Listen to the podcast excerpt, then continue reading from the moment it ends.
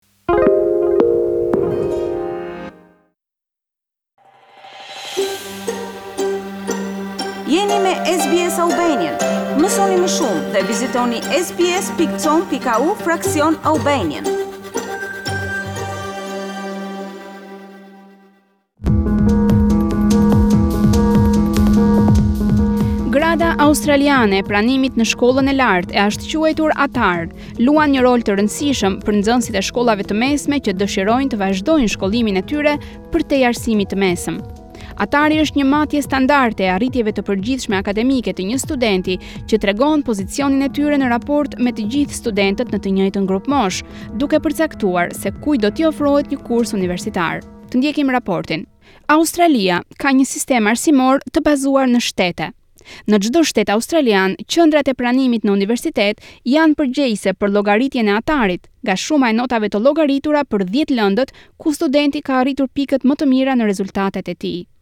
Kim Paino është menaxhere e përgjithshme e marketingut në qendrën e pranimit në universitete. the key feature of the ATAR is that it's a rank. It's not a score or a mark, it's a rank. So it's Karakteristika kryesore e ATAR-it është se përfaqëson një renditje. Pra nuk është një pikë ose një notë, por një renditje. Dhe kështu që përdoret si një matës i performancës tuaj ndaj studentëve të tjerë të së njëjtës grupmoshë dhe mund të përdoret vetëm për të hyrë në universitet. Në mënyrë që të kenë të drejtë të aplikojnë për renditjen atar, studentët në Victoria duhet të plotësojnë Certifikatën Viktoriane të Arsimit apo VCE. Në Tasmani, atar bazohet në rezultatet e provimit të hyrjes në universitet. Në New South Wales, atarin e marrin nxënësit e shkollave të mesme që kanë marrë Certifikatën e Shkollës së Lartë. Zonja Paino thotë se megjithëse çdo shtet ka sistemin e vet të përllogaritjes së atarit, si dhe kualifikimin e vet për arsimin e mesëm, ekziston një mekanizëm i përshtatshëm që e bën atarin të transferueshëm edhe në shtete të tjera të Australisë. If I get a seventy ATAR in New South Wales Nëse merrni shtatëdhjetë pikë në atar në New South Wales dhe dëshironi të ndiqni një universitet në Melburn, mund të aplikoni në universitetin që doni, i cili do ta pranojë renditjen e atarit tuaj edhe pse ajo është llogaritur në New South Wales dhe jo në Victoria. Për të llogaritur atarin, qendrat e pranimit universitar marrin parasysh rezultatet e viteve njëmbëdhjetë dhe dymbëdhjetë të shkollës së mesme, shpjegon zonja Paino.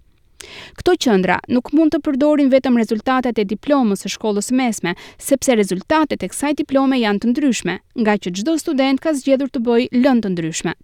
Zonja Paino thekson se qendrat e pranimit në universitete kanë kërkesa të ndryshme kualifikimi për të marrë një atar.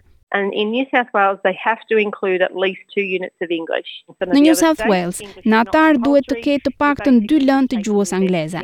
Në disa nga shtetet e tjera anglishtja nuk është e detyrueshme, duhet vetëm të rendisni 10 lëndët ku keni rezultatet më të larta dhe nëse anglishtja nuk është ndër 10 lëndët më të mira, atëherë nuk përfshihet në atar. Në Sidni, Nicole Lenoir Jourdan ende e kujton kohën kur djali i saj dhe shokët e tij po mbaronin vitin e tyre të dymbëdhjetë disa vjet më parë. For a lot of students ATAR is about making or breaking it, getting into the course of their dreams. Për shumë studentë, atari bën ose zhbën përpjekjet e tyre për të hyrë në kursin e ëndrruar universitar. Shumë studentë studiojnë disa lëndë që nuk duan domosdoshmërisht t'i bëjnë, si fizikë e lartë ose matematikë, sepse këto janë lëndët që renditen në atar dhe studentët bëjnë gjithçka që munden për ta ngritur atarin e tyre sa më lart në mënyrë që të fitojnë të drejtën për të ndjekur kursin që dëshirojnë në universitet. Atari mesatar zakonisht është rreth shtatëdhjetë pikë. Renditja në atar është rezultat i një procesi shkallëzimi. Ajo është e shprehur si një renditje e dhënë në përqindje, në një shkallë dymijëpikëshe, nga nëntëdhjetë e nëntë pikë nëntëdhjetë e pesë deri në zero. Një atar prej tetëdhjetë tregon se studenti renditet në njëzet përqindshin më të mirë të studentëve për grupmoshën e saj apo të tij të vitit dymbëdhjetë të shkollës mesme. Për të llogaritur dhe marrë një atar, studentët e kualifikuar duhet të regjistrohen online, thotë zonja Paino. Uh, for year 12 the application is pretty straightforward because we Për vitin 12 të shkollës së mesme, aplikacioni është mjaft i drejtpërdrejtë. Studentët duhet të regjistrohen me numrin e tyre të studentit dhe të plotësojnë kurset e arsimit të lartë për të cilat do të aplikojnë, si dhe të paguajnë tarifën e aplikimit. Nicole Lenoir Jourdan thotë se periudha e provimeve përfundimtare të shkollës mesme mund të jetë shumë stresuese për ata studentë që përpiqen të dalin me rezultatet më të larta të mundshme.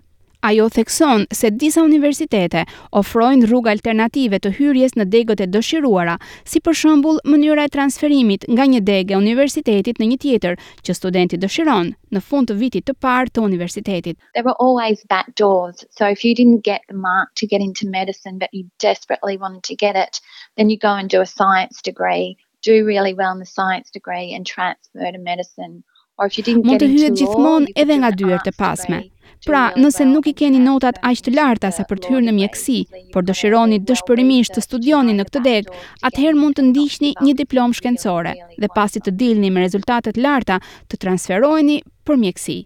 Ose, për të hyrë në degën e ligjeve, mund ta nisni nga një diplomë arti dhe pasi të arrini rezultate të larta aty, mund të transferoheni në diplomën e drejtësisë. Pra, asnjëherë mos hiqni dorë nga ëndrrat, por konsideroni alternativat për të arritur aty ku dëshironi.